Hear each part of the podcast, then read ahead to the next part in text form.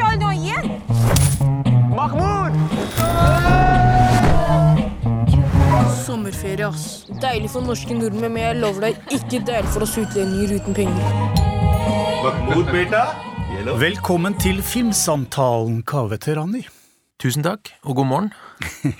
Du er i siste innspurten før premieren på din spillefilmdebut Hør hæra, som åpner den norske filmfestivalen i Haugesund. Jeg skal ikke spørre deg om du er spent, det sier seg selv. Eh, Dette er jo en komedie med alvorlige undertoner som utspiller seg i et minoritetsmiljø i Groruddalen i Oslo. Den gir noen velanrettede spark i flere retninger, både til såkalt, den såkalte majoriteten og minoriteten. Så ja, det jeg lurer på er, hva, hva er du mest nervøs for?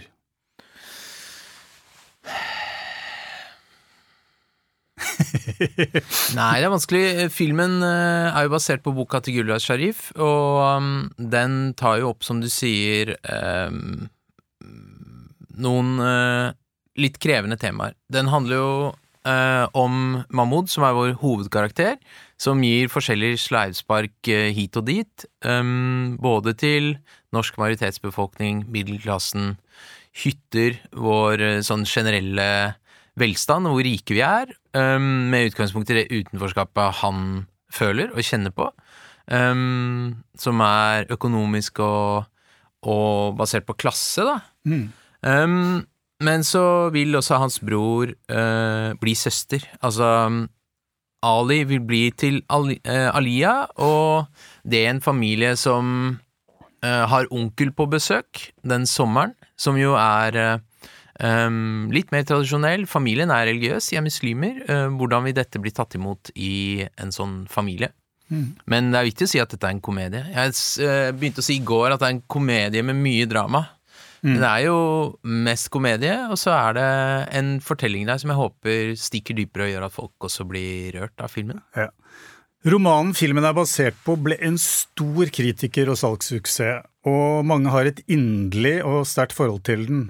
Det gjør det kanskje desto mer utfordrende å adaptere den, for da må man jo på en måte fjerne og endre på ting og, og foreta visse dramaturgiske snarveier. Ja, helt klart. Det er jo noen skikkelig store utfordringer der som eh, vi har løst på um, ulike måter. Um, folk, når folk leser en bok, så har de jo, lager de jo sine egne bilder, og film er jo et veldig sånn konkret medium. Um, hvis det står et eller annet om ja, Hvis det er beskrivelse av disse karakterene våre, da, så får jo folk et veldig sånn klart bilde. Vi må jo finne Mahmoud og velge hvem han skal være. Uh, og vi må finne Ali, og vi må finne onkel og mamma og pappa, og hvordan ser denne leiligheten ut? Det er jo, film er jo så brutalt konkret. Um, men eh, jeg tror ikke helt på dette med troskap, da. Uh, film er liksom et annet medium. Um, men vi har jo beholdt Altså, det som er Noe av det som er morsomst og veldig sentralt i boka, er jo den der tankestrømmen som surrer og går i huet til Mahmoud. Så vi har brukt en voiceover. Vi bruker jo forskjellige eh, formgrep som visuelt understreker og delvis liksom står i kontrast til de tingene han Og, det, og dere, dere er jo ganske djerve, dere lar han jo se rett inn i kamera innimellom. Ja, ja. Vi bryter liksom fjerde veggen og er veldig sånn fri i forhold til eh, det formmessige, men så er det jo vanskelig, og det har jo vært en sånn utfordring hele veien.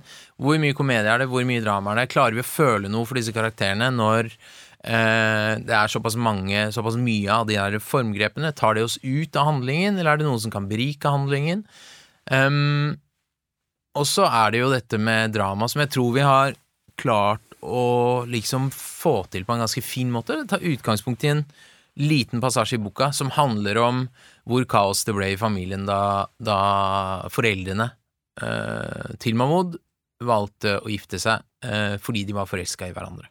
Så der er det jo en sånn krasj mellom uh, um, de mer tradisjonelle uh, Altså det der kravet om at uh, um, foreldre skal velge partner, og far i familien, som heter Shabazz, eh, ble satt opp med en dame, mens han valgte å stikke av med Subaida.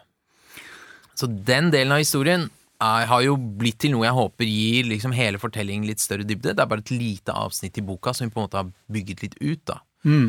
Men det skiller seg fra de fleste andre fortellinger, i hvert fall i norsk film og TV, om minoriteter ved at altså, humor er, er våpenet eller virkemidlet. Og, og det, da står man på en måte overfor litt andre, andre utfordringer. Og du var inne på det når du snakket om altså, å kombinere komedie med drama.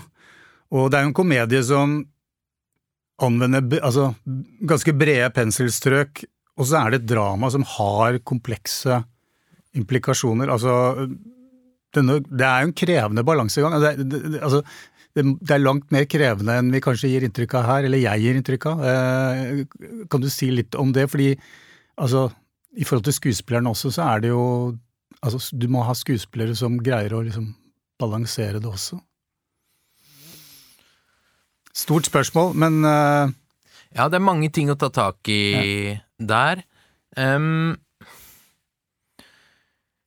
I forhold til dette med drama, humor, uh, avveiningen, så uh, håper jeg jo at drama liksom fortsatt kan ha dybde, og når du sier kompleksitet, så blir jeg jo veldig, veldig glad. For jeg håper jo at disse Altså, humoren er jo basert på og går både med og liksom mot en del stereotypier. Ganske sånn stereotype oppfatninger av eh, hvordan er en onkel som kommer på besøk til Norge fra Pakistan. Eh, mens jeg tror drama kanskje bidrar til å gi disse karakterene noen litt sånn uventa vendepunkt som gjør at eh, de får en litt annen dybde. Um, og det er jo noe jeg har vært opptatt av i, og har gjort i de tidligere kortfilmene mine, å kombinere liksom satire og sosialsatire og prøve å balansere um, ting som handler om, om kultur og religion, uh, med uh, Altså, jeg syns også det er viktig og bra å ha et drama og ha karakterer som har en utvikling.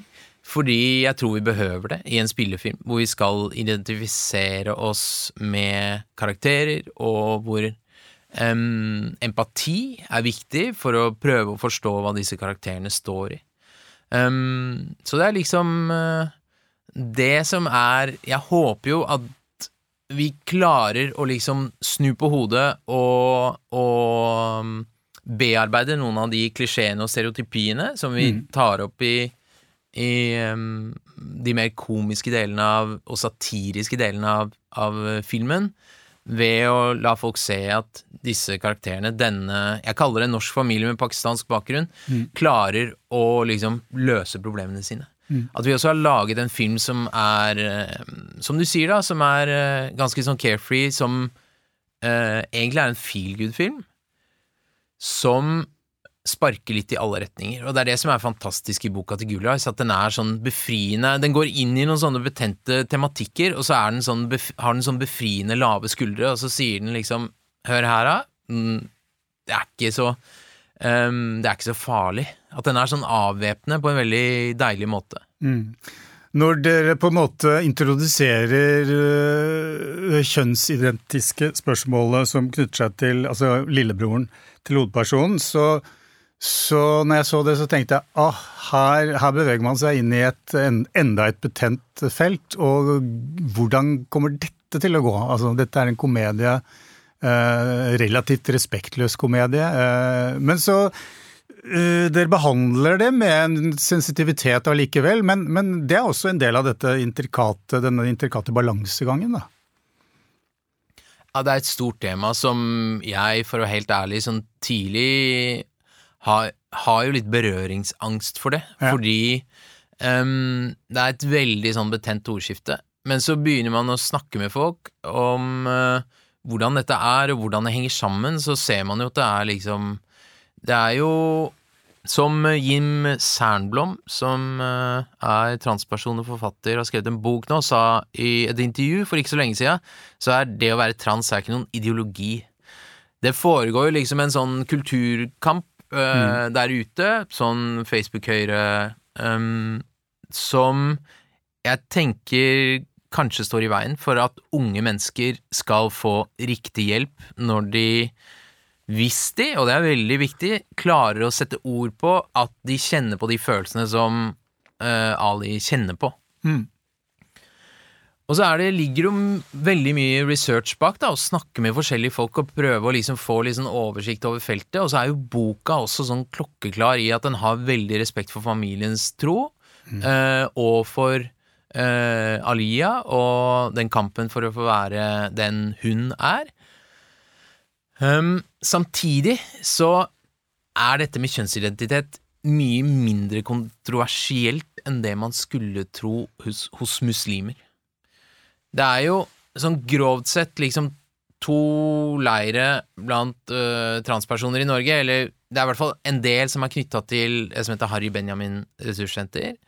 Og så er det en del uh, aktivister som kanskje identifiserer seg mer med den skeive bevegelsen, eh, mer med det å være queer, mens disse HBRS-folka, de bruker fortsatt det begrepet født i feil kropp. Eh, og det blir jo også brukt i boka. Det mener de andre som er mer opptatt av språk og lingvistikk, eh, semantikk, at det er feil måte å snakke om, for man er egentlig ikke født i feil kropp. Man har bare ikke riktig kjønn ennå. Men i hos muslimer eh, i Iran, blant annet, så kan man, dersom man bestemmer seg og sier 'jeg er født jente, jeg vil bli mann', 'jeg er født mann, jeg vil bli jente', så kan man få um, støtte og hjelp til en kjønnsoperasjon. Ja, nei, ting er ikke Ja, det er mindre kontroversielt enn det som handler om det å være queer, eller det å være ikke-binær, eller det å være mm. Eller det å være skeiv, da. Mm, mm. Altså, du mikser her eh, ikke-profesjonelle skuespillere og, og veldig erfarne skuespillere, blant annet altså Asim Chaudhry, som er en vel ansett og prisbelønt eh, skuespiller fra Storbritannia. Eh, kan du si litt om hvordan du liksom endte opp med disse skuespillerne, og, og hvordan, hvordan man, man mikser ikke-profesjonelle og profesjonelle, da? Ja, når man skal caste barn og ungdom, så har man jo ikke så mye valg, ikke sant? Fordi vi har en hovedrolle som eh, er 13, og så har vi Ali som er 9. Og så har vi mamma og pappa, hvor Kriti Tepanade er, er ikke-profesjonell. Manish Sharma har jo gått uh, Teaterhøgskolen og spilt blant annet i Tante Ulrikkes vei på Rommen scene. Mm. Uh, og så er det Asim som er veldig dreven, veldig, veldig flink komiker, og etter hvert også en sånn ganske merittert uh, skuespiller, som helt klart er på vei opp. Spilte blant annet i Sandman-filmatiseringen, den Neil Gaiman-filmatiseringen av Sandman, som ligger han, på Netflix. og han er vel det største comic relief i filmen, ja, kanskje? ja, absolutt. Um, det viktigste med barn og unge, det er jo ikke noe er jo å klare å bygge en trygg atmosfære rundt de, og klare å få til en kjemi i den familien som handler om å tilbringe tid sammen, liksom. Være sammen, bli trygge på hverandre. Uh, ha en opptakssituasjon som er hvor det er uh, ro og fokus, men hvor det også er uh, varme og letthet, da. Mm. Um, det er liksom et ideelt scenario, og så skal vi lage en film med to barn på urdu på 30 dager. Og barn gir også noen arbeidstidsbegrensninger, ikke sant? så vi har jo mindre skytertid. Eh, så det er jo masse stress på, på opptak. Ganske mye hastverk, og mye som må gå veldig fort.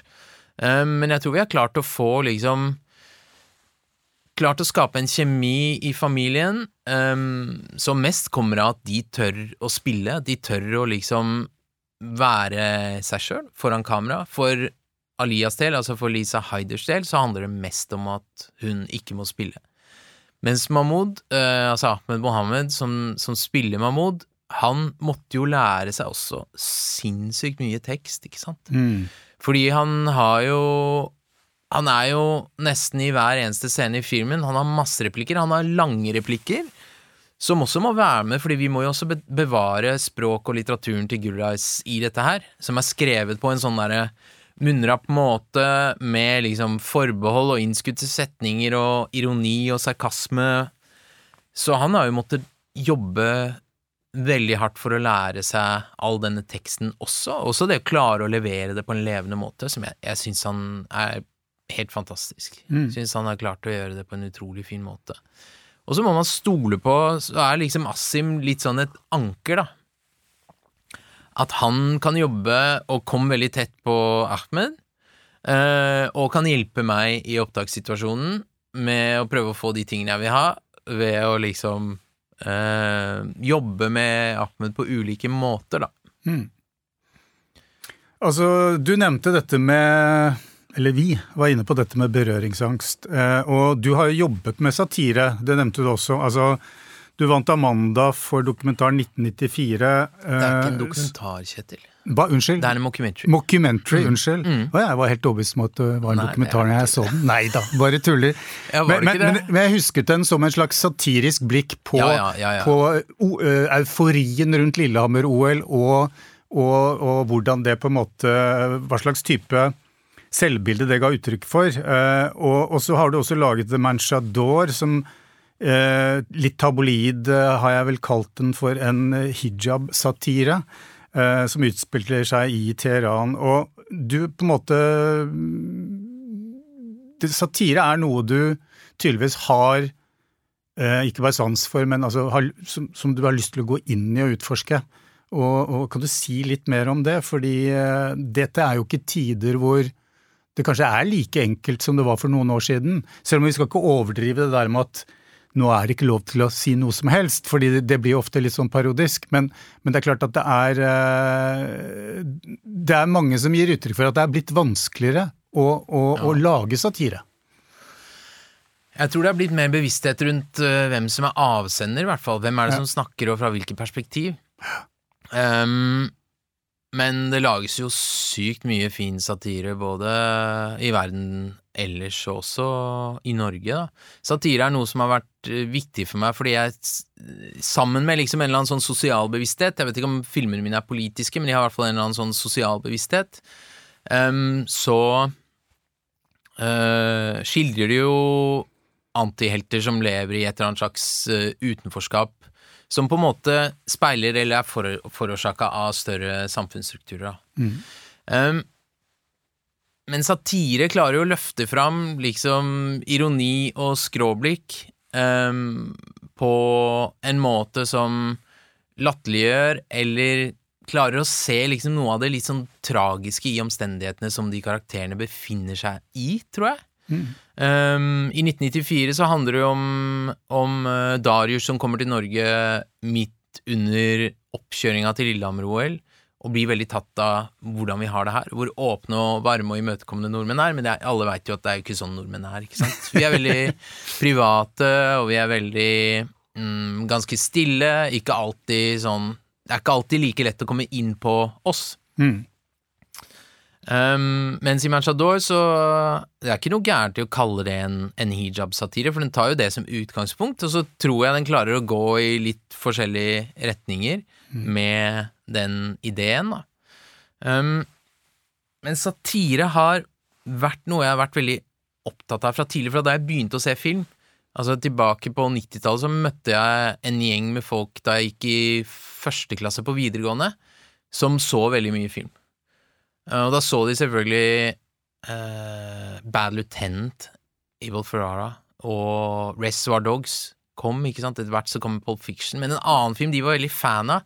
Hjemme i kjelleren til Endre så hang det en plakat um, med en fyr som fyrer av en pistol, og en smokk fra en baby som spruter opp, som heter Man Bites Dog. Ehm, plakaten var visstnok forbudt, og den er jo en sånn burlesk, bekmørk historie om et filmteam som lager En en, mockumentary-klassiker, kan en man si. En mockumentary-klassiker Ja, ja. om en gjeng som lager en dokumentar om en seriemorder. Så den er supervoldelig og veldig blodig, men den har også en veldig smart øh, og veldig frisk, for datiden i hvert fall, sånn mediekritikk. Hmm. Den skrev jeg Den filmen har jeg veldig, vært veldig opptatt av, og så har jeg liksom sett mye komedier og satire oppimellom, da. Fra liksom Roy Andersson så går det jo liksom en sånn linje til Ruben Østlund som kanskje har skifta litt beit og nå gjør fantastiske satirer, ikke sant. Mm.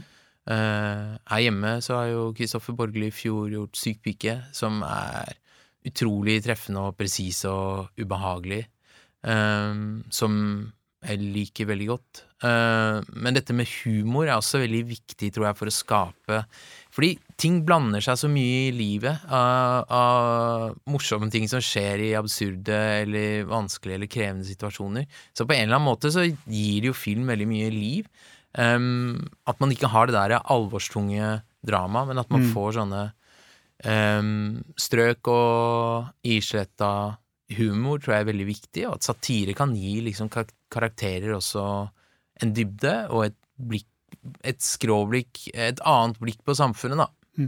Når du da sitter og betrakter eh, samfunnet med dette blikket ditt, har du da Kan man si at du har ett ben innenfor minoriteten og ett ben innenfor majoriteten? På en måte så kan nå, man nå vil jo ikke jeg kategorisere deg, men, men det er jo interessant i forbindelse med denne filmen også. Altså, du, du har jo på en måte Er, er satiren også en måte for deg å se på det med en viss distanse? Altså det Ja, jeg føler jo at det er et, et eh, blikk jeg har, og et blikk jeg kan bruke.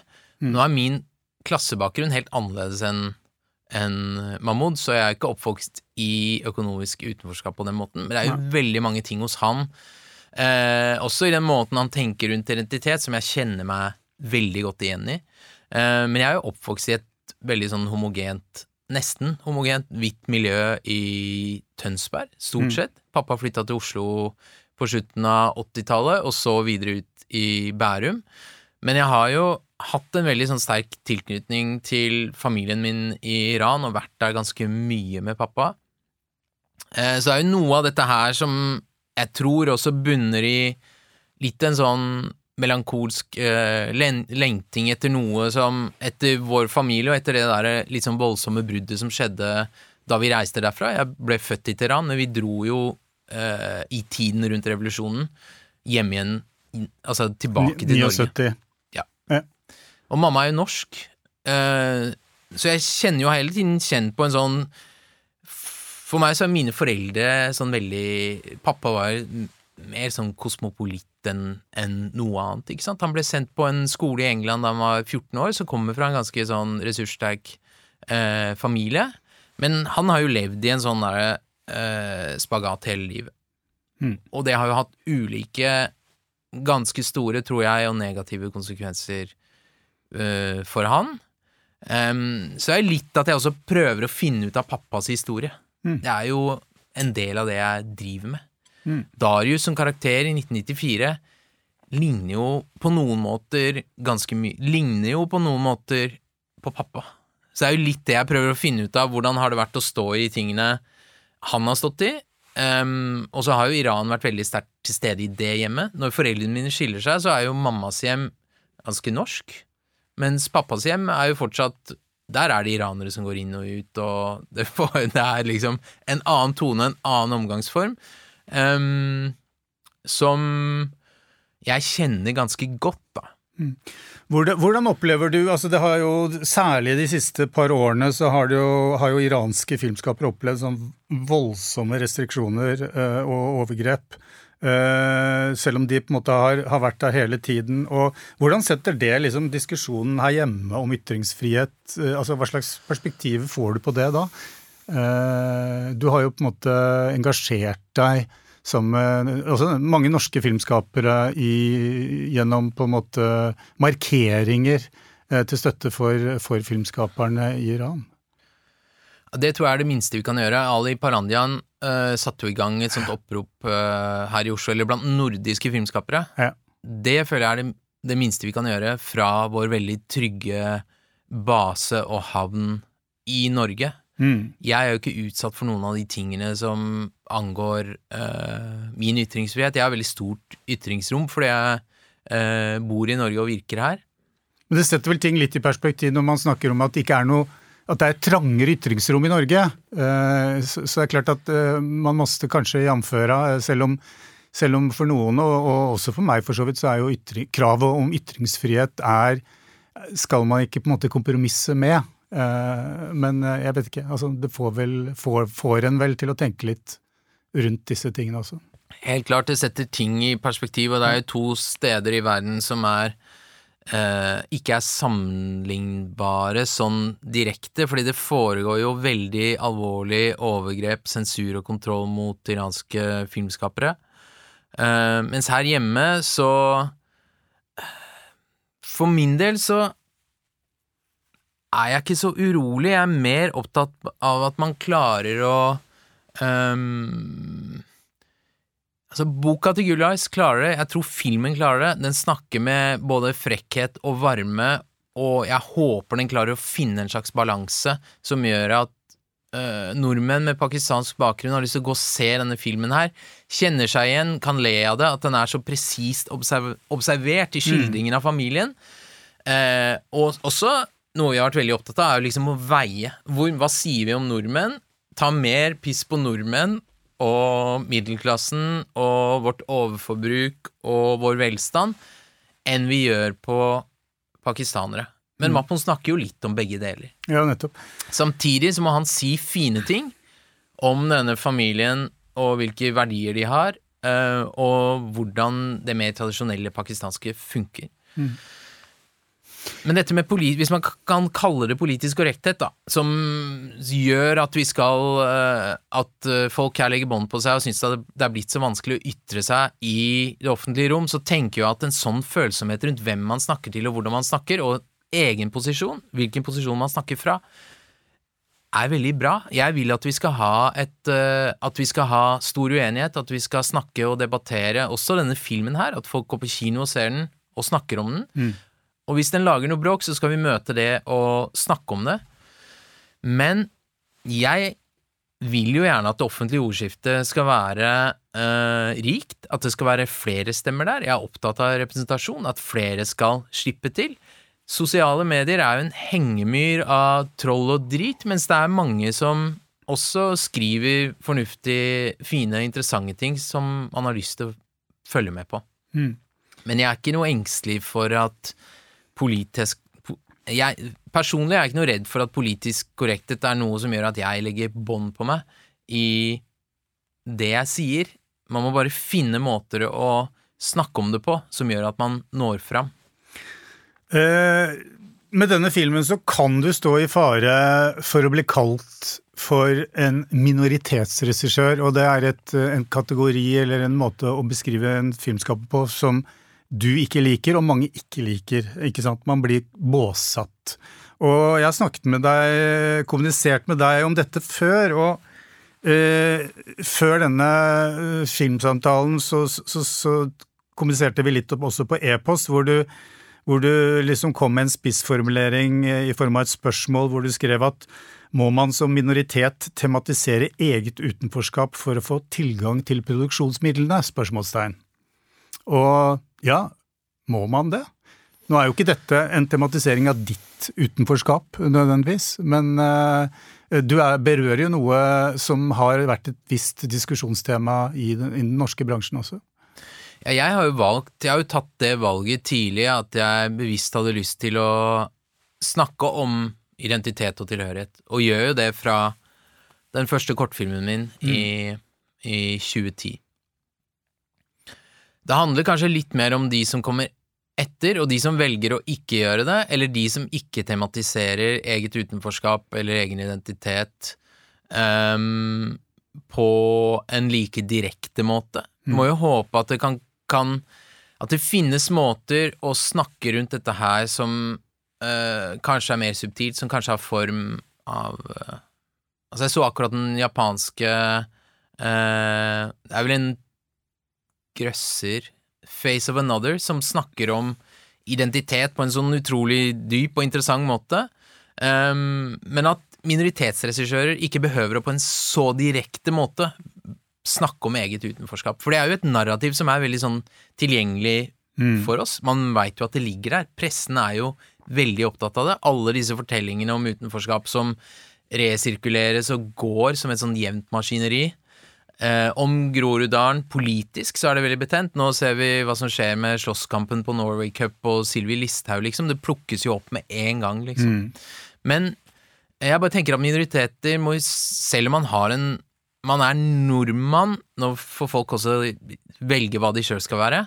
Med bakgrunn fra et annet sted, så kan man jo også være en så håndverksmessig flink regissør. Man kan jo fortelle en hvilken som helst eh, historie. Jeg er bare opptatt av at man skal kunne ha den friheten til å velge prosjekter og si det man vil, at ikke det kommer en person inn døra, og så forventer man at ah, da skal vi fortelle en sånn type historie. Men vi har vel sett en utvikling f.eks. i nordisk film at uh, regissører som har minoritetsbakgrunn, uh, breaker med en historie som de har i nærhet til, og som er delvis selvbiografisk, men så slipper de jo inn i varmen og kan lage andre typer filmer.